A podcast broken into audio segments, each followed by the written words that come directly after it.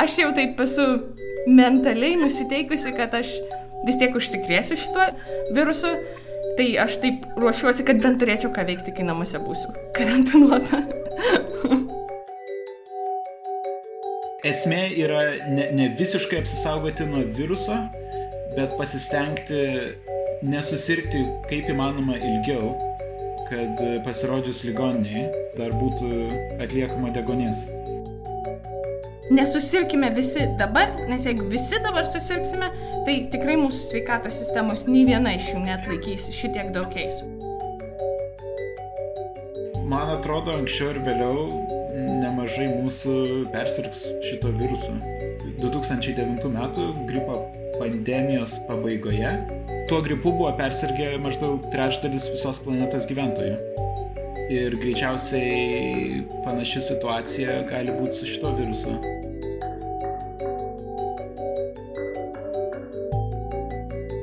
Ačiū, kad įsijungėte Nailo podcastą. Jį išlaiko patys klausytojai. Mūsų naujausi patronai yra Mantas Rimkus ir Oksana Liukovič. Ačiū Jums, prisijungite ir kiti ir palaikykite nepriklausomą Lietuvos žurnalistiką. Mūsų adresas yra patreon.com slash nanuk multimedia. Kaip vienas žodis. Mano vardas yra Karolis Višniauskas. Čia yra specialus šios savaitės epizodas.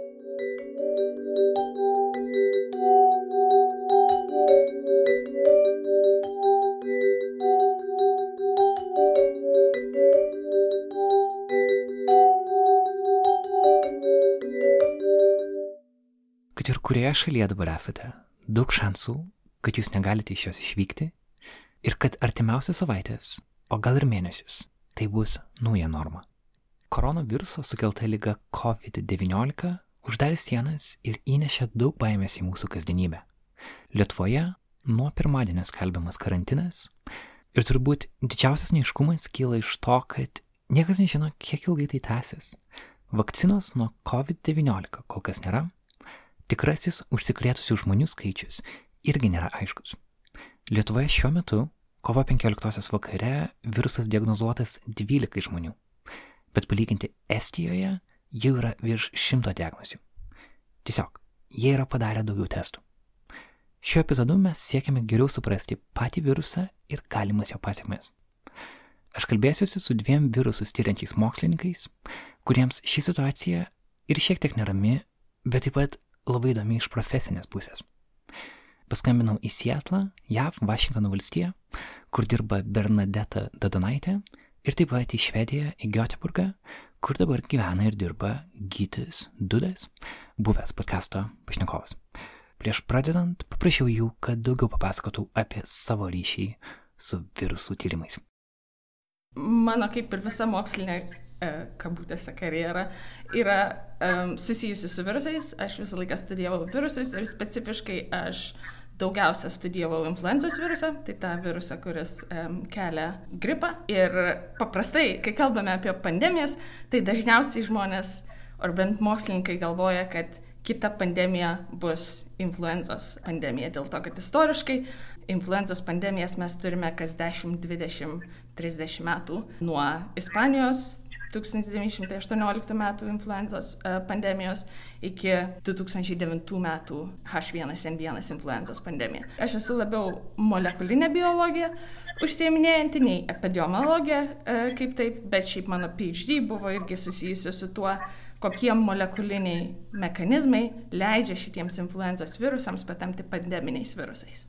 Mano bakalauro diplomas buvo evoliucinėje biologijoje mano doktorantūros metu e, prasidėjo vakarų Afrikos ebolos protrukis. Tai didžioji dalis mano karjeros buvo grinai pastatyta ant e, vakarų Afrikos ebolos protrukio. Esu dirbęs kažkiek su MERS koronavirusu, kuris 2012-2013 metais kažkur e, prasidėjo Saudo Arabijoje. Kol kas aš dirbu nuotoliniu būdu, su dviem e, laboratorijomis Kalifornijoje. E, viena yra San Diege, tenai maždaug prižiūriu kai kurių doktorantūros studentų darbus, o su kita laboratorija, tai yra Chan Zuckerberg Biohub, Tai yra Facebook'o įkūrėjo finansuojama iniciatyva, kur daromi moksliniai tyrimai šiek tiek kitokiu pagrindu negu tradiciniai universitetai.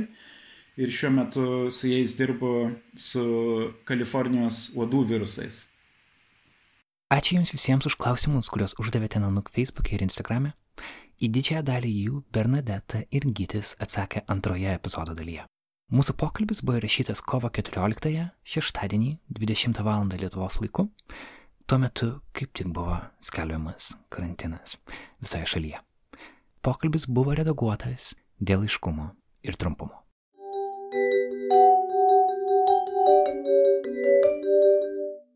Aš taip sakyčiau, kaip mokslininkui, tai esi žmogus į dvi dalis pasidalinęs.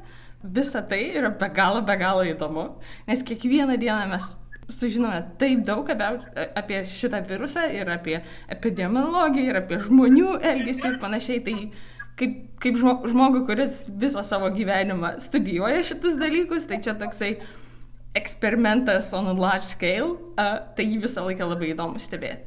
Kaip žmogui kabutėse normaliam, bet ne mokslininkui, tai galvoju, kad galbūt kaina šitų visų žinių yra kiek per didelė ir kad mes ją tikrai, praktiškai jinai tikrai galėtų būti mažesnė, jeigu mes būtume geriau pasiruošę šitiems dalykams. La, labai panašiai kaip Bernadeta sakė pačioje pradžioje, panašų atvejį mes esame jau išgyvenę 2009 metais, kada įvyko H1N1 E, gripo pandemiją. Ir lygiai taip pat, kaip Bernadeta sakė, mes dar panašiai išgyvensim.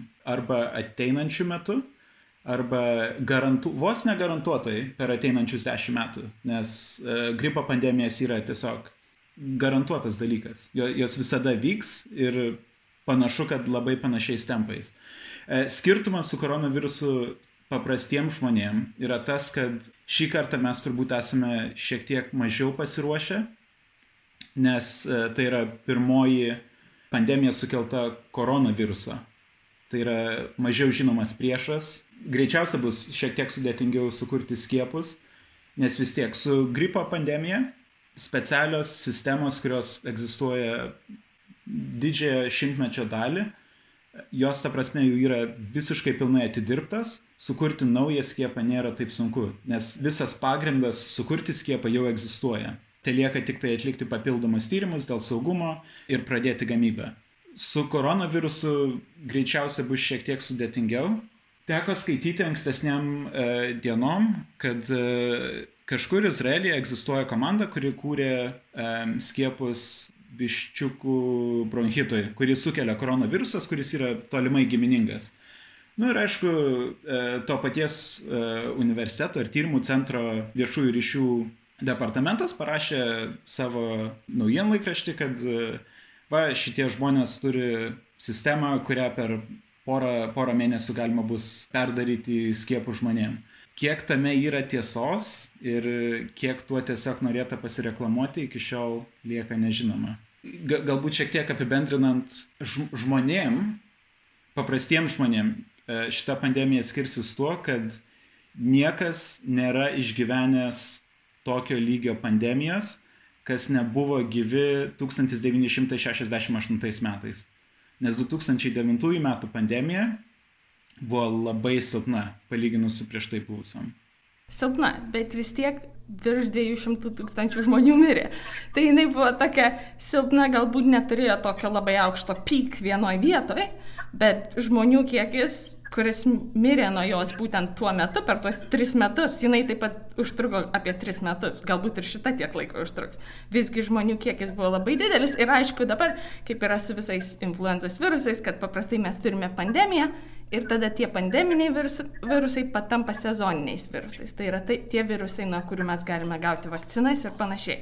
Tai labai tikėtina, kad ir su šituo virusu taip nutiks. Dėl to, kad taip pat koronos virusai reikia pasakyti, kad tai nėra kažkokie virusai, kurių mes nežinotume ar kažką. Mes juos jau žinome labai labai seniai. Nuo, nuo 1968 metais ar kažkas panašaus buvo pirmieji koronos virusai identifikuoti kaip paprasti viršutinių kvepavimo takų virusai.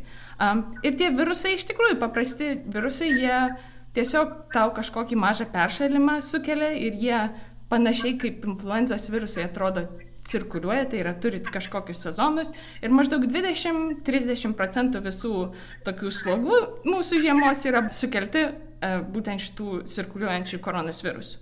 Ko skirtumas, aišku, nuo tų cirkuliuojančių koronos virusų, prie šitų, kurie yra grupuojami kaip highly pathogenic koronos virusai, tai yra SARS, MERS ir dabar šitas COVID-19 arba SARS koronavirusas 2, um, jie yra virusai, nuo kurių, kurių mes nežinome, mūsų populiacija jų nežino ir mes, kaip, kaip ir e, Gytis sakė, mes kaip ir specialių vaistų nuo jų, neskaitant tokių vaistų, kurie šiaip paprastą pneumoniją tau gali padėti gydyti, visiškai neturim. Aš manau, kad vakcina tikrai bus sukurta. Tiesą pasakius, Seatlas yra pirma vieta, e, kurioje jau vakcinos trialsus daro. Tai mano viena kolegė, pavyzdžiui, yra volantierina būti mRNR padarytos vakcinos e, trialsai jau antro, kitą savaitę e, gaus tą phase 1 skiepo kabutėse. Koks jos efektyvumas bus, mes nežinom, bet panašią vakciną jie, ta pati kompanija darė Zikos virusui. Tai vakcina bus dėl to, kad tiek žmonių jau dabar yra užsikrėtę. Ir man atrodo, galbūt net čia toksai galbūt nelabai laimingas, kabutėse sėkmingas dalykas, bet aš manau, iš Kinijos jinai labai tikėtinai, nes Kinijos vyriausybė turės labai didelį interesą sukurti vakciną prieš visus bendrus koronos virusus.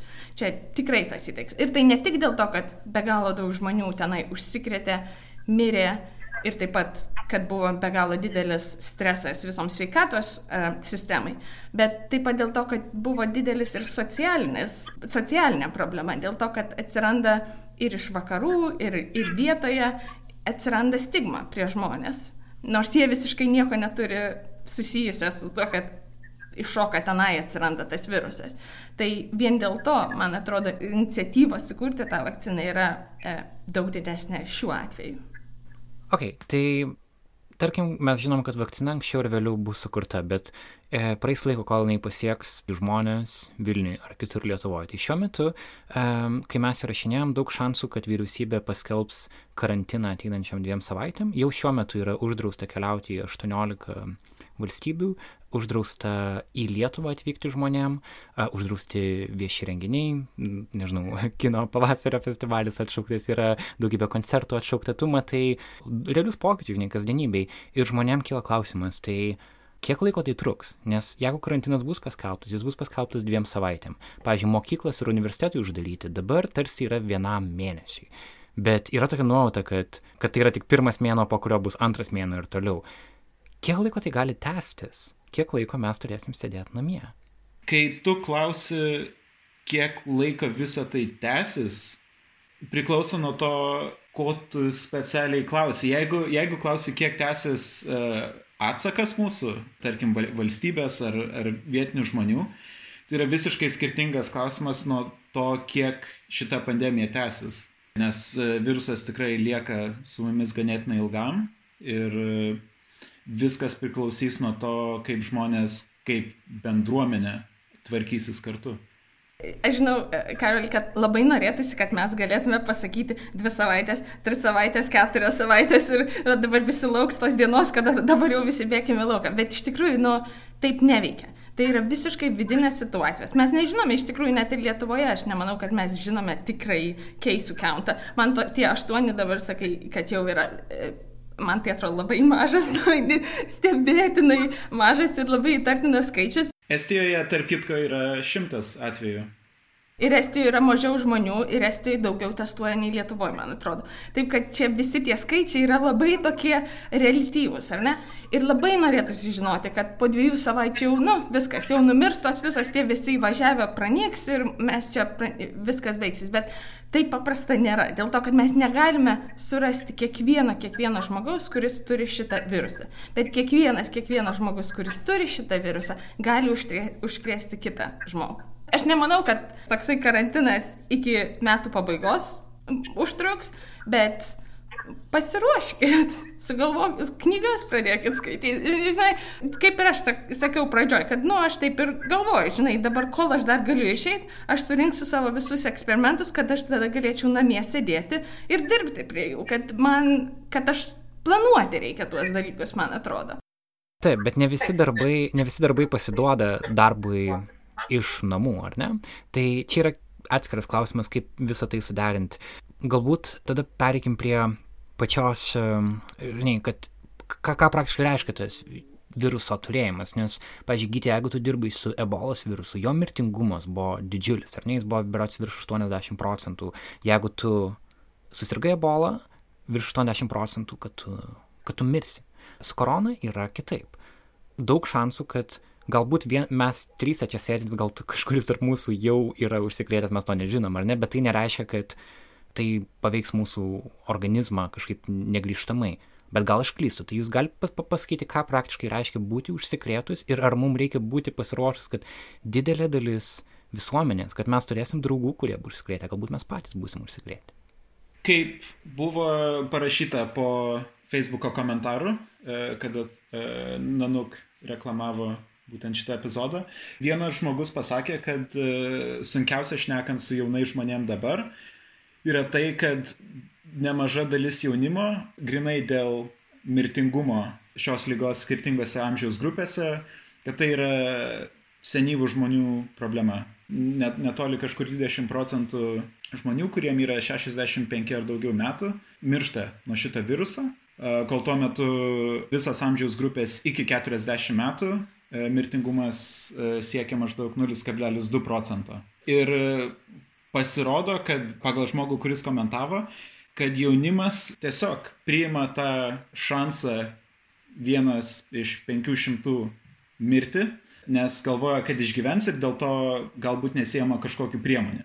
Čia yra viena milžiniška problema, kad mirtingumas kol kas buvo tuo metu, kada ligoninės dar gali priimti pacientus. E, tarp visų susirgusiųjų kažkur 14 procentų reikia papildomo degonės. Jeigu žmonės nesims kokiu nors e, priemonių, kad didintų atstumą vienas tarp kito mažinti kontaktą, ligoninės bus perpildytos. Ir tie 14 procentų, kuriem, kuriem reikia degonės, jie sėdės ligoninės koridoriuose ir daktaram reikės spręsti, kas gyvens ir kas mirs nes paprasčiausiai ne, nebus, nebus tiek aparatūros padėti tiek žmonių. Tai iš viso nieko nedaryti yra labai neatsakinga šiuo metu. E, ir reali grėsmė tikrai egzistuoja ir plus mes net e, nežinome, kokios gali komplikacijos kilti vėliau žmonėm, kurie galbūt išgyvena šią lygą, kuri tarp kitko tęsiasi neįprastai ilgai, kas irgi, ta prasme, sukels didesnių rūpešių ligoninėm. Aš dar pridėsiu, kad paprastai dabar visur medijose uh, kalba apie tai, kad uh, maždaug 80 procentų žmonių, kurie pasigauna šitą lygą, yra maždaug mild disease. Tai reiškia labai silpni simptomai. Bet jeigu pažiūrėsi, iš kur tas skaičius ateina ir ką ta mild disease reiškia, jisai ateina iš studijos, kuri buvo žiūrėta į visus keisus iš Kinijos atėjusius. Tas mild žodis, jame yra visi nuo lengvo peršalimo iki pneumonijos bet nereikia tavęs, neturi, tau nereikia, kad tau oxygen tank pastatytų. Tai aš nežinau, kiek iš jūsų nori turėti tą pneumoniją. Aš tai jos visiškai nenoriu turėti, nes jinai gali ilgam laikui tavo plaučius labai sužaloti. Ir pagal tą studiją, jeigu tu turi pneumoniją, tu vis tiek turi tik tai mild uh, disease, tai yra ta pakankamai švelna, tu paneigi tuos 80 procentų. Taip. Bet 80 procentų reiškia, kad tavęs į ligoninę nereikia dar guldyti. Supratau. Tai nereiškia, kad tu tiesiog, nes yra ir tas požiūris, kad, o, tu gali susirgti ir nieko nepajusti ir tiesiog lengvai pragyventi, tai žinai, ten kažkiek prakosėdamas ir su temperatūra pabuvęs kelias dienas. Tai tikėtis, kad taip lengvai prasmuksi, yra irgi naivu. Tikrai, aš manau, kad labai naivu ir uh, temperatūrą tikrai turėsit. Aš, pavyzdžiui, šiaip apskritai sirgdama labai retai, kada nu, te temperatūrą turiu, tai man net ir temperatūra netrodo kaip mild disease. Aš tikrai nenorėčiau net ir jos turėti. Taip kad čia tikrai bus problema. Kitas dar yra dalykas, kad e, viena tai daug kas kalba apie šitus asimptomatinius keisus, kai žmonės turi virusą, yra užsikrėtę, bet jokių, jokių simptomų neturi.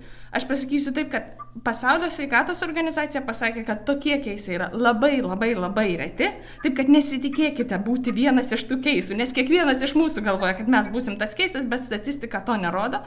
Ir ką reiškia, kai turi jokių simptomų neturi, Tai vadinasi, nu, neturėsi simptomų, bet vis tiek galėsi pernešinėti galbūt virusą. Mes net nežinome iš tikrųjų, ar tie asimptomatiniai keisai, jie virusą pernešti kitam žmogui gali ar ne.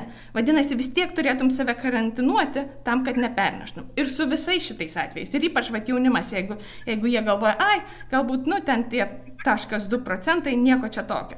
Bet pagalvokit, kad jūs visi turbūt turite senelius arba jūsų tėvai jau patenka į tą labai didelės rizikos grupę.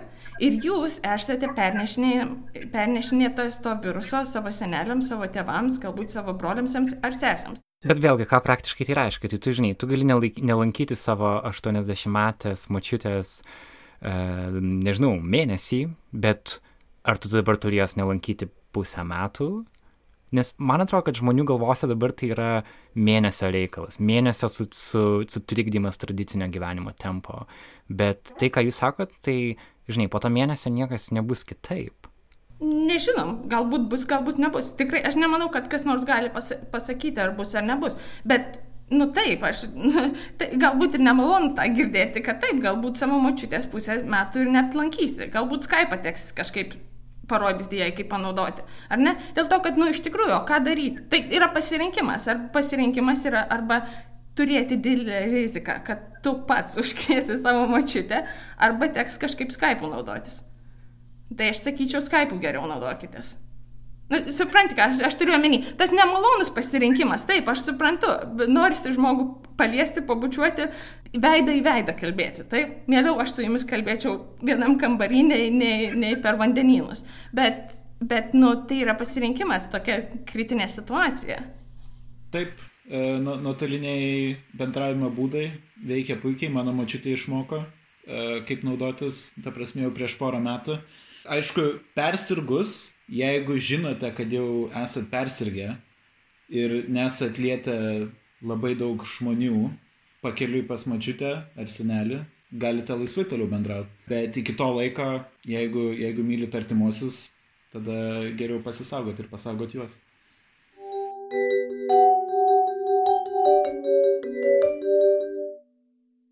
Ok, pernim prie Facebook'o klausimų. Timas Petraitis klausė, kiek saugus tiesiog buvimas grinam ore, kaip vaikščiojimas parkai ir panašiai. Kiek išsilaiko ore pats virusas. Tai iš tikrųjų, ar gali žmogus tiesiog išeiti, nežinau, pabėgioti laukia, kiek tai yra problematiška? Bėgiojimas yra mano išsigelbimas dabar, nes aš mėgstu sportuoti, tai į sporto klovą aš tikrai neinu, bet galiu išeiti pabėgioti. Laukia būnant šitie virusai, šitas būtent virusas, jisai e, tose vadinamose aerozoliuose arba lašeliuose, kurie kalbant žmonėms ar panašiai iš tavo burnos sklinda, maždaug apie 3 valandas išsilaiko. Bet ta, ką tai reiškia? Tai išsilaikytų 3 valandas, bet tie aerozoliai, tie lašeliai tau bekalbant, kai tam paspjaudai ar ką nors, jie nukrenta iš karto ant žemės. Taip, kad nieko nenutiks nuo to. Taip, kad eikit bėgiokit, laukia po parkus vaikščioti ir panašiai. Aišku, jeigu šalia išeini į lauką ir šalia tavęs kitas žmogus apsikrėtęs stovi ir dar tau nusičiaudė į veidą, nu tai pasigausi, niekur nepasidės. Um, kitas dalykas yra laukia, ypač jeigu saulės yra, virusai paprastai um, UV, jeigu ultravioletinė šviesa į juos šviečia, tai jie labai greitai yra neutralizuojami. Taip kad saulė yra geras labai dalykas, tiesą pasakius, prieš šitus virusus. Ir aišku, ten priklauso dar ir nuo temperatūros bendrai. Uh, kai yra šalta, kai yra oras žemesnis, tai paprastai virusai geriau išsilaiko laukia. Bet kai oras yra šiltesnis arba kai drėgmė yra aukštesnė, tai tada virusai prašiau išsilaiko. Bet žodžiu, jeigu į lauką neįsite ir prie sergančių žmonių nestovėsite ir tenai grindų nelaižysite, kur, tenai, kur gali būti prikritę tų viruso dalelių, tai viskas gerai. Eikite į mišką vaikščioti, nieko čia. Tai su to susijęs kitas klausimas. Eglė Kryžinauskaitė klausė, ar tai taps sezoniniu susirgymu. Ir yra ta teorija, kad atėjus vasarai bus per karšta ir virusas tiesiog uh, nunyks ir tada rudenį vėl sugrįž. Kiek tame yra uh, tiesos? Pagrinde vasaros metu sumažėja e, kvepavimo takų susirgymų, kuriuos sukelia virusai. E, iš vienos pusės visą tai, ką Bernadeta ką tik paminėjo, temperatūra, drėgmė, ultravioletiniai spinduliai. Iš kitos pusės žmonių elgsena keičiasi radikaliai. Mes žiemos metu vis tiek daugiausia laiko nepraleidžiam laukia. Mes sėdim uždarose patalpose, kurios gali būti prastai vadinamos, su daugiau žmonių. Taip, gali būti, kad mes pastebėsim, kad sumažėja viruso perdavimas vasarą. E, svarbiausia yra neapsigauti ir ne, nepradėti galvoti, kad čia yra žmonių intervencijos kažkokia pagalba. Kad po to, ne, nesusidarius tokio netikro saugumo jausmo, e, rudenį ir žiemą tas virusas negrįžtų su trenksmu, nes jis tikrai grįž, garantuotai. Ir taip pat, aišku, pusė pasaulio yra vasaroje, pusė pasaulio yra žiemoje. Taip kad pakankamai ten. Ir irgi reikia paminėti, kad mes, tai yra naujas virusas, tai yra net tie patys virusai koronos, kurie normaliai cirkuliuoja, mes nežinome, kaip jisai elgsis. Palauksim ir pamatysim, bet uh, taip pat yra kitų pandemijų buvusios, kurios prasidėjo vidury vasaros ir, ir prasidėjo vidury vasaros ir mes nežinome kodėl. Taip kad, uh, jo. Nežinom, kaip bus tiksliai. Mhm. Kestas Mekės klausė, kaip aiškinti situaciją, kad Rusijoje, kur potencialiai didelė tikimybė ir jos satelitų šalyse vidurin, vidurinėje Azijoje praktiškai neužfiksuoti viruso susirgymai. Ar jie yra tik pavieniai? Ir tada yra papildomas dar klausimas. Um, Agnė Vasiliauskaitė klausė, ar tikslu teikti, kad Iranas ir Turkija slepia tikrąjį mastą. Tai tarp žmonių yra tas susirūpinimas, kad iš tikrųjų tie oficialūs skaičiai yra toli nuo realybės ir kad valstybės galbūt slepia tikrąją statistiką arba jos iš vis nežino. Aš nežinau dėl slėpimo, mano, mano požiūris, kad dauguma šalių tiesiog netestuoja pakankamai. Amerikoje, kiek mes ten jų ištestavę esame. Kaip ir Lietuva matyti, tie Lietuvos aštuoni atvejai skamba gan komiškai beveik. Taip, ir man dar irgi aš toksai, aš tai apskritai dėl šitų tokio to slėpimo ir ko labai daug žmonių skundžiasi, oi čia Kinija turbūt dar irgi prislėpė tų visokių keisų ir panašiai. Nu, prislėpė, neprislėpė, tavęs tas nelabai iš tikrųjų pakeičia. Žiūrėk, kas vyksta pas tavęs šalyje, man atrodo. Kinija yra geriausia informacija, kurią kol kas turime dideliu mastu apie kaip, kas gali vykti šitoj pandemijai. Taip kad galbūt yra kai kurios šalis, kurios nenori sakyti, kiek ten tų keisų yra, kiek ko, bet praktiškai, nu, žiūrėkite, kad savo šalyje jūsų vyriausybė testuotų kuo daugiau žmonių, kiek gali ir tikrai užsiminėtų šitais visokiais karantino, um, karantino būdais. E, galbūt pridėsiu tiek, kad valstybėm didesnio masto susirgymų paslėpti niekuomet neišeis. Lygiai taip pat, kaip mes žinojame, kad Irane yra labai rimta problema, e, nors oficialūs skaičiai buvo labai maži Ta prasme, anksčiau ir vėliau šitie dalykai tikrai visuomet išlenda. Ar, arba per eksportuotus atvejus, arba per, e, ta prasme, genetinius pačio viruso tyrimus. O kiek individualios e, valstybės testuoja savo gyventojų, e, ta prasme, taip, tai gali būti e, politizuotas dalykas, bet idealiai e, valstybės turėtų testuoti kuo daugiau. Mhm. Eglė Šiškienė klausė, kokias apsaugos priemonės šiuo metu naudoti medicinos personalui, vaistininkams, pardavėjams, kurie šiuo metu daugiausia kontaktuoja su gyventojais. Tarkim, jeigu tu sėdi parduotuvės kasoj, tu nelabai gali sukontroliuoti tos žmonės, kurie ateina pas tave, ar jie bus dezinfekavę savo rankas. Dar kartais yra profesijų, kuriuose tu susiduri su kitais žmonėmis. Ir ką daryti tada? Jo, čia iš tikrųjų bus milžiniška problema, nes e, visi žmonės, kurie dirba paslaugų sektoriui ir turi kontaktuoti su žmonėm visą dieną, e, jie yra milžiniškos rizikos grupiai. Bet tuo pačiu metu visus būdus, kaip apsisaugoti, visi žmonės jau yra girdėję. E, dažnai plauti rankas, e, neliesti veido, saugotis kažkiek žmonių, kurie yra akivaizdžiai infekuoti Ir svarbiausia turbūt tokiem žmonėm yra save e, izoliuoti pajutus simptomus. Lina Grauslytė klausė, ko gero dar reikėtų padiskutuoti, o kas nutiks Afrikos žemynė, tose Afrikos dalyse, kur sunku su sveikatos apsauga. Nediagnozuos gydyti nei žinių, nei resursų ten nėra. Mano draugė chirurgė savanoriauja Kamerūne, operuoja vietinius su misija iš Ispanijos ir šiandien tikrąją to žodžio prasme juos namuose apsupo vietiniai ir skandavo korona, korona. E, nenukentėjo niekas, bet jis su ispanais kolegomis buvo tiesiog užrakinti namie, kad niekšai europiečiai viruso neskleistų. Tai jo Afrikos klausimas, kol kas iš ten neteina daug patvirtintų oficialių atvejų, bet, e, bet naivu turbūt tikėtis, kad iki Afrikos nenueis e, virusas. Afrika yra tikrai didelė problema gali būti patekti dėl to, kad tenai, aišku, daug, daug šalių tenai e, sveikatos apsauga yra daug sudėtingesnė ir prieinamumas net prie pačių klinikų patiems žmonėms yra daug sudėtingesnis. Dabar neseniai, prieš kelias savaitės, man atrodo, Pasaulio bankas sakė, kad jie skiria, man atrodo, 50 milijardų e, būtent atsakui Afrikoje į šitus klausimus, bet dar taip pat man, man tai toksai didesnis galbūt neramumas tai yra, kad Afrikos augimas labai priklauso nuo pasaulio ekonominės situacijos. Kai pasaulyje ekonominė situacija yra stabili, gera ir kylanti, daugiau resursų eina padėti uh, besivystančiom šalims. Ir jau mes matome, kas darosi ir pasaulio rink, ekonomikos rinkoje dėl šito viruso ir kai jinai krenta, tai visi kiti resursai, taip pat į Afriką, tik tai mažėja tų resursų. Uh, ir ten yra daug, daug kitų problemų, turbūt daug didesnių dabar nei šitas koronos virusas tenai galvoja.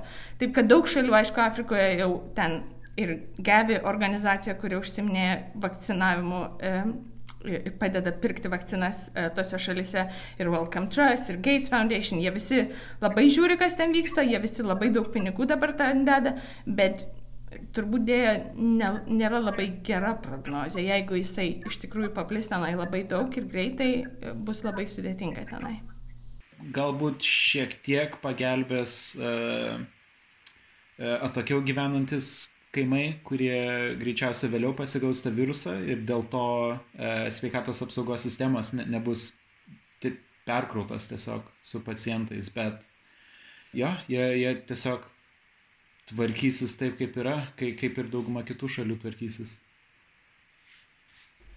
Mm. Taip pat yra populiarus klausimas dėl kaukių. Ar kaukės padeda apsisaugoti? Rašo klausytoja Jolanta Blavieščiūnienė, kad Kinijoje visi su kaukėmis, draudžiama išeiti be jų, o pas mus Lietuvoje prekybcentriuose nei vieno su kaukė, nors visos išpirktos prekyboje nebėra. Kiek kaukė realiai e, gali padėti? Mm, čia labai geras klausimas ir visi visi to klausia. Atsakymas yra, kad kiek yra studijų žiūrėję į efektyvumą šitų kaukių, bendrai jos nepadeda. Toks yra atsakymas.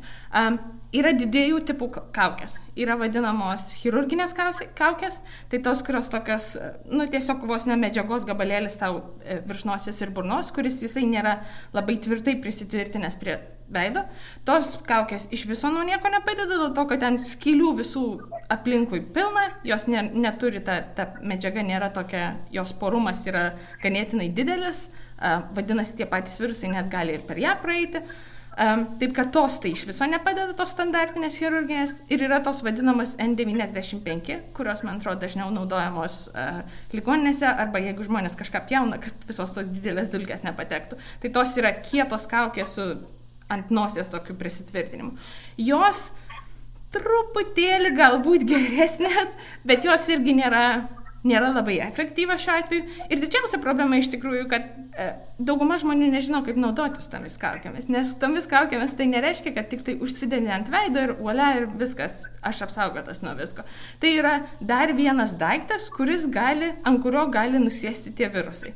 Ir jeigu tu nežinai, kaip ją nusimti sanitariai, jeigu tu ją kelis kartus panaudoji, nu tai daryk nedaręs, jisai nieko nepradės.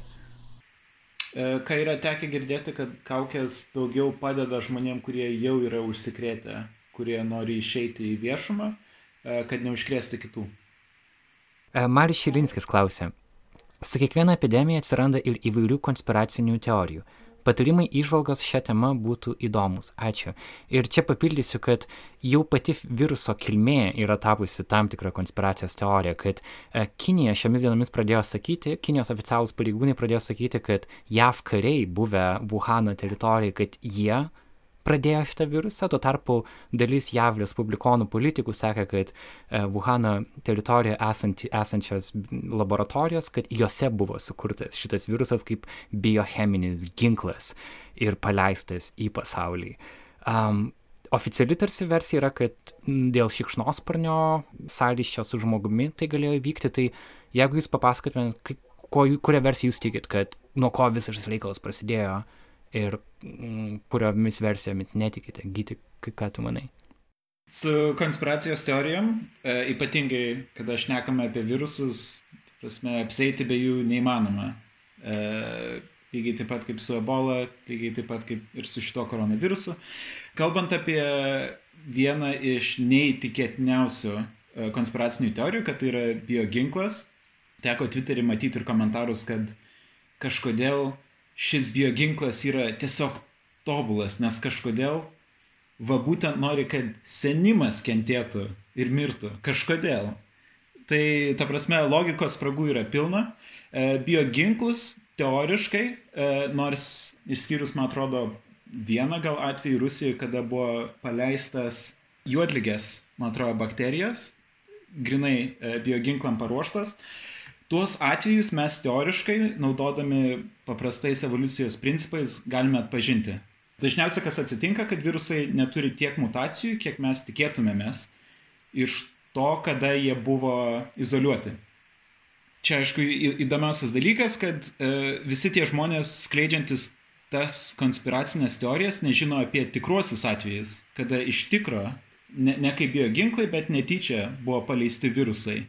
Turime labai nemažai pavyzdžių iš gyvūnų, Ir yra vienas žinomas gripo atvejis, kada buvo sukelta pandemija 77 metais, netyčia, nežinome iš kur, e, bet labai akivaizdžiai virusas buvo laikytas šaldytuvė 27 metus ir tada netyčia paleistas. Kad konspiracijos visi tie teorijų kuriejai apie tai nežino, tiesiog parodo jums visiems, kad jie jokių originalių savo tyrimų nedaro ir apie ką jie šneka, jie nežino.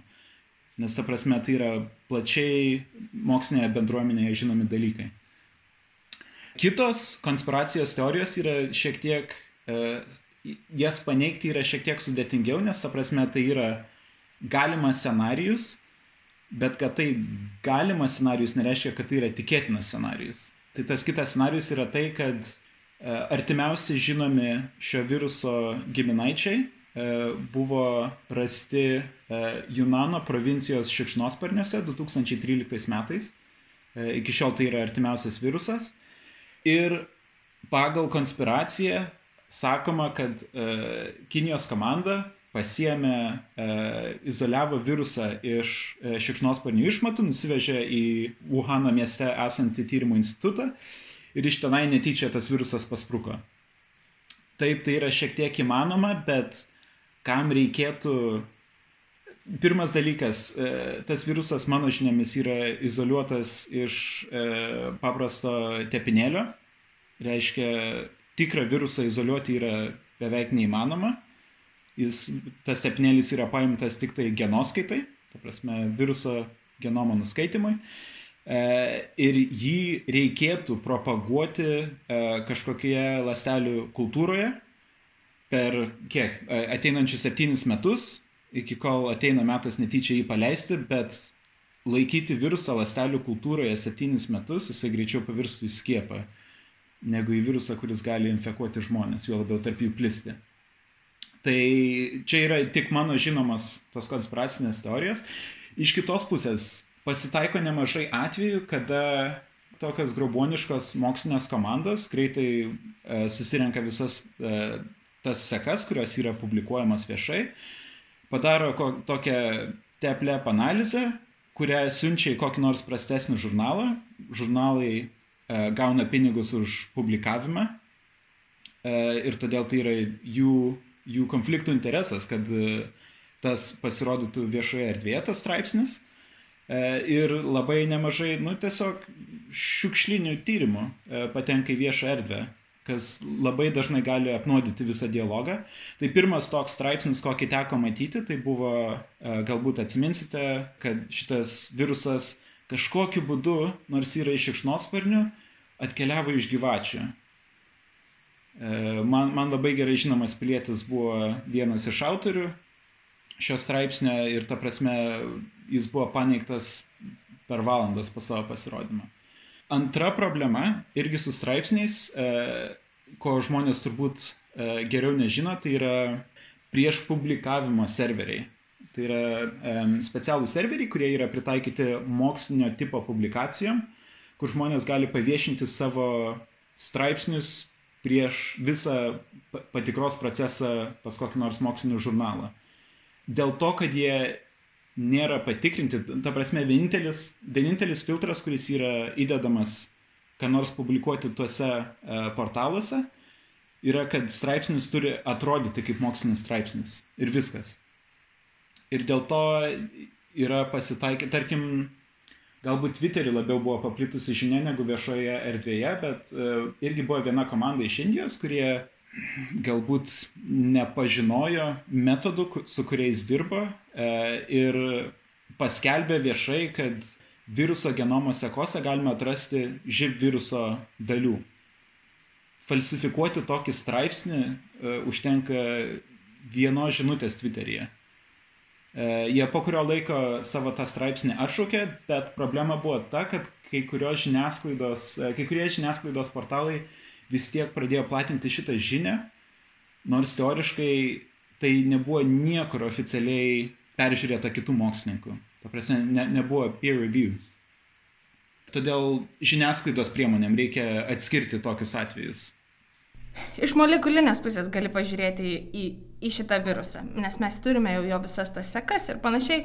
Ir iš molekulinės, jeigu pagalvosi, okei, okay, jeigu yra koksai nors mokslininkas, kuris norėtų sukurti bioteroristinį ginklą ir tai būtų vat, būtent šitas virusas.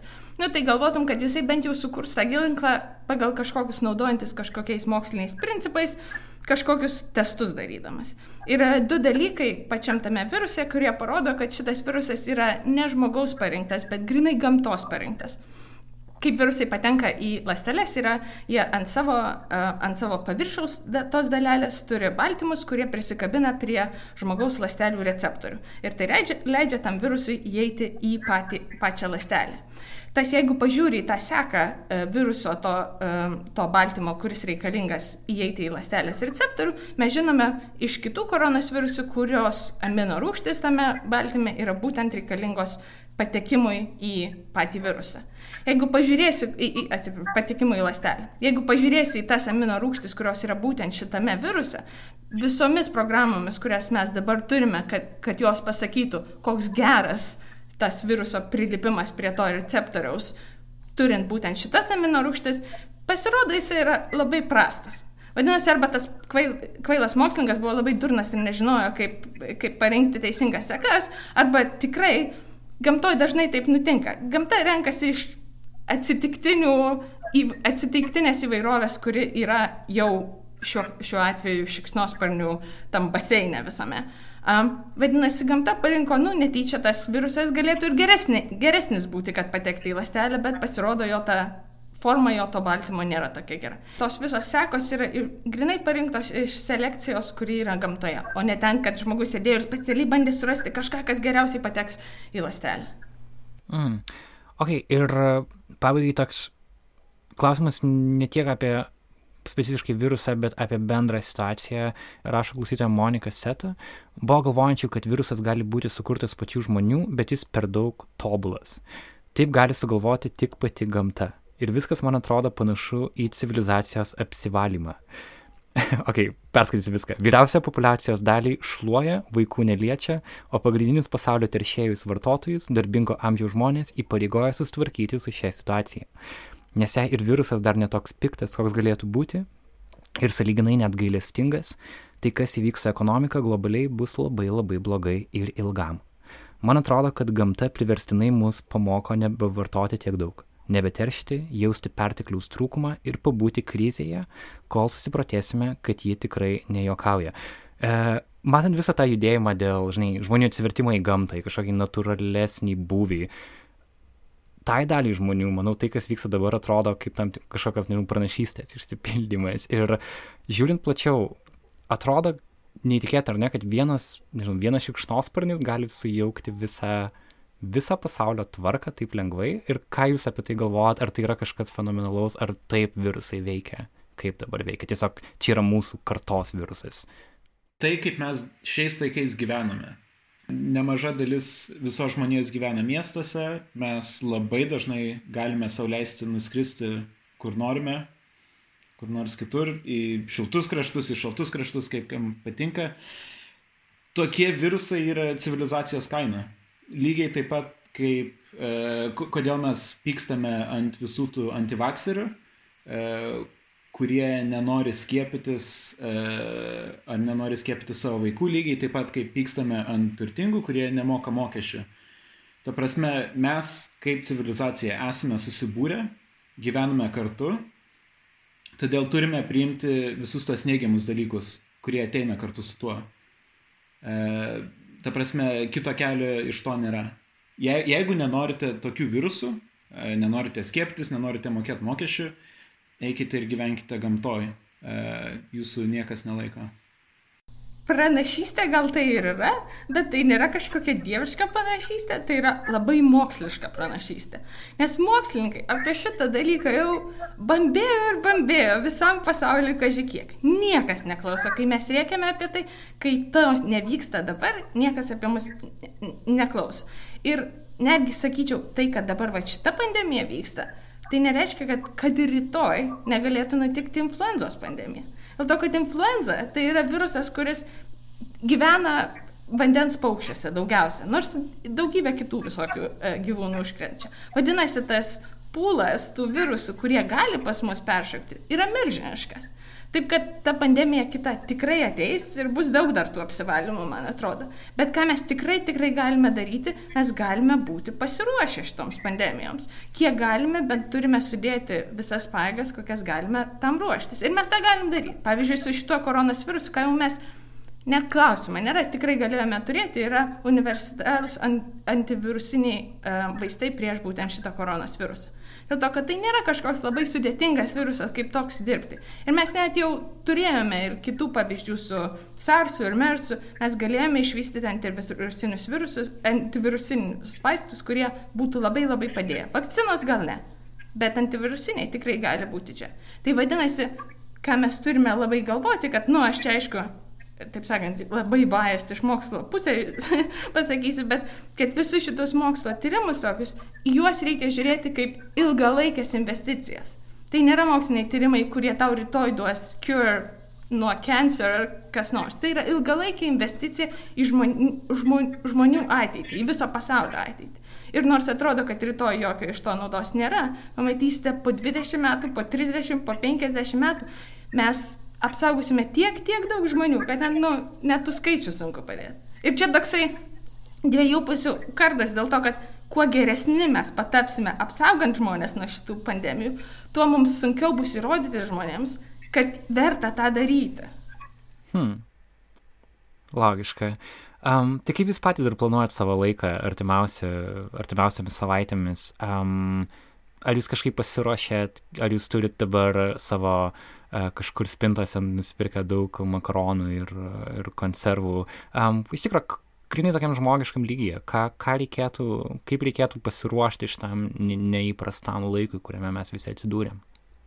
Panikuoti aš visai nepanikuoju, aš tiesiog tikrai dešimt kartų padidinau savo sanitarinius į, į, į, įgūdžius, nežinau, valausi rankas su sanitariniu sky, skyščiu kas 15 gal minučių, Pas mus čia darbe jo ant kiekvieno kampo pilna. Um, jeigu tik paliečiu, iš viso, net neliečiu jokio paviršiaus, kur aš nežinau, kas prieš tai įlieti, prieš tai nenuvalius to paviršiaus su sanitariniu skyšiumi, aš viešuoju transportu man sekas, nes aš gyvenu tokiu atstumu, kad aš per 20 minučių iki darbo galiu nueiti. Tai nors galėčiau pasirinkti, aišku, autobusu važiuoti, aš peščiom geriau nueisiu gatvėse einant aš paprastai, nu, stengiuosi laikyti atstumo kažkokio didesnio. Į sporto klubą neinu, einu bėgioti šiaip aplink ežerą. Um, ir bendrai, nu, kaip mano gyvenimas taip labai nepasikeitė baisiausiai. Um, neinu, sakykime, ten į kokius nors public talks ir panašiai. Um, bet aš galiu, man sekasi, kad aš galiu kol kas taip gyventi uh, ir nieko baisiai tame nepasikeis. Man vienintelis neramumas man toksai yra, kad aš nežinau, kas nutiks, jeigu, jeigu mano seneliai ar mano tėvai pasigaus šitą virusą, dėl to, kad aš beveik užtikrinta, kad jeigu mano seneliai pasigaus šitą virusą, jie neišgyvens nuo jo. Labai didelė tikimybė yra, kad jie neišgyvens nuo jo. Ir aš žinau, aišku, mano mačiutė į bažnyčią kaip pirmais. tai, tai, tai man dėl to neramu ir ypač dar neramu dėl to, kad, aišku, Trumpas čia uždarinėja tos skrydžius aš nežinau, galbūt net ne, neprotinga būtų man skristi tenai, jeigu kas nors nutiktų, bet aš nežinau, ar aš turėsiu pasirinkimą, ar aš galėsiu skristi ar ne. Tai dėl savęs man nebaisu, mano dienos, jos pasikeitė, kad aš mažiau turiu socialinių interakcijų um, ir daugiau sanitarijos visokių priemonių turiu. Um.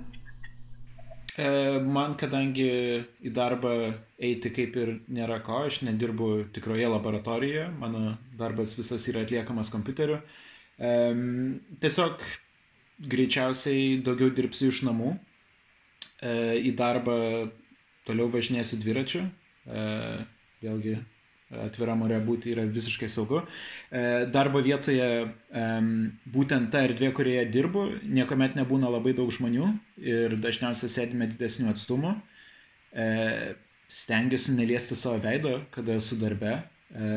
Ir arba liesti savo veidą, kada žinau, kad aš esu ką tik nusiplovęs rankas į parduotuvę irgi bandome kartu su partneriai eiti tikrai ne piko metu, kada būna šiek tiek mažiau žmonių, e, užsipirkti galbūt šiek tiek daugiau produktų negu įprastai ir daugiau ilgalaikių, bet aišku, tikrai nešluoti ne lentynas, kaip e, įvyko kai kur kitur. Man atrodo, anksčiau ir vėliau nemažai mūsų persirgs šito viruso.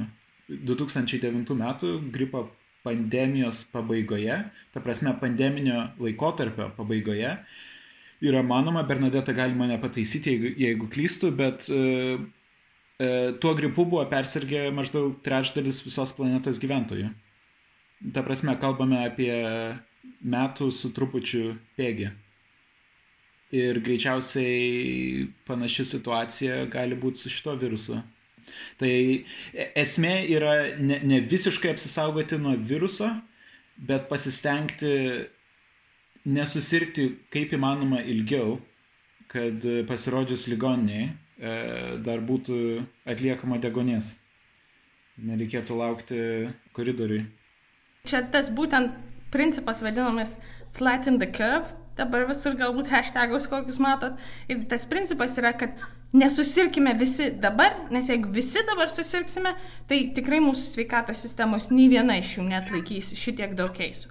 Bet jeigu mes visi susirksime, bet pailiui, tai pataps kaip ir kiekvienais metais apie pusę milijono žmonių miršta nuo influenzos viruso. Nuo paprasto gripo miršta pusę milijono žmonių. Niekas apie tai net negalvoja. Bet dėl to, kad mūsų sveikatos sistema yra pasiruošusi tokiam pastoviam srautui tų žmonių.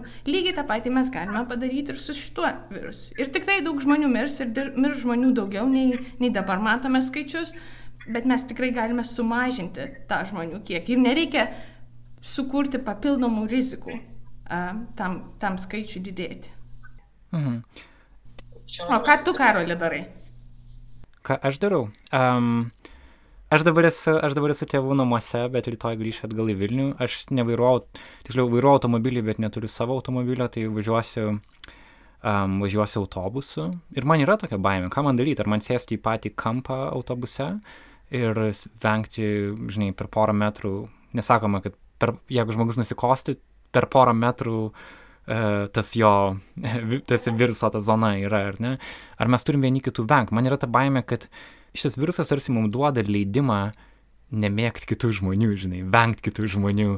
Atrodo, kad atsiras susipriešinimai tarp žmonių, kuriuos tarsi pate, šitas virusas pateisina. Aš to, mane tas neramina ir taip pat mane neramina faktas, kad štai mes dabar trys esame skirtingose šalyse ir aš realiai nežinau kada aš pavyzdžiui galėčiau nuskristi į sietlą arba į goteburgą arba jūs ar galit galėtumėt grįžti atgal į vilnių ar į kauną?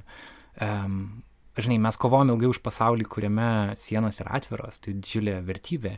Ir kaip tu pamatai kaip staiga jos net į lenkiją tu nebegali nuvažiuot žinai tai yra man tas kelia baimę tas kelia nerimą e, bet galbūt tai yra laikina sien, sienų uždarimas veiktų, jeigu panašiai kaip anksčiau e, pandemijos pradžioje labai nemažai Europos atvejų buvo Italijoje, kada jie patys nusprendė užsidaryti. Jeigu tavo šalyje beveik nėra atvejų, e, tada taip, vienas infekuotas keliautojas, kuris pas tave at, at, at, atskrenda, atvažiuoja, gali pradėti infekcijas. Kada jau bus Lietuvoje nemažai atvejų, skirtumo beveik nėra. Didžioji dalis e, viruso perdavimų bus tarp vietinių žmonių, tarp, tarp Lietuvos gyventojų. Ir todėl sienas tada atidaryti, man atrodo, būtų rekomenduotina netgi e, vien vardan ekonomikos. Super, sėkmės jum ir jeigu reikės vėl kažkokios ekspertizės, gal padarysim, žinai, antrą, antrą dalį. Jeigu reikia update, mes čia visą laiką up to date šitais klausimais, man atrodo. Nes iš tikrųjų, kaip mokslininkui, tai yra taip įdomu visą tą žiūrėti. Kaip žmogui tai yra baisu, nes nu, tavo giminės gali, tavo draugai susirgti ir viską. Bet kaip mokslininkui mes kiekvieną dieną ir, ir net laboratorijose viskas keičiasi, nes iš karto gal, gal kokį projektą aš galiu padaryti su šituo, čia naujas, niekas nieko apie jį nežino, pradėkim kažką naujo ir visi iš karto taip susidomėję, tiek daug straipsnių reikia perskaityti. Ir aš pasakysiu, kad kaip mokslininkai, man atrodo, mes daug geriau reaguojame į šitą, nei į mersą arba į sarsą. Mes daug, daug daugiau. Mes per savaitę ar dvi jau turėjome baltymų struktūrą šito viruso. Mes jau tiek daug galėjome iš karto padaryti, tą, tą pamatę. Taip kad man, aš tai ganėtinai proud of scientists, šia, šia, bent jau šiame atveju. Super, gera girdėti. Ačiū Jums labai tada. A, ačiū tau, kad pakvietei. Čiau, čiau. Okay.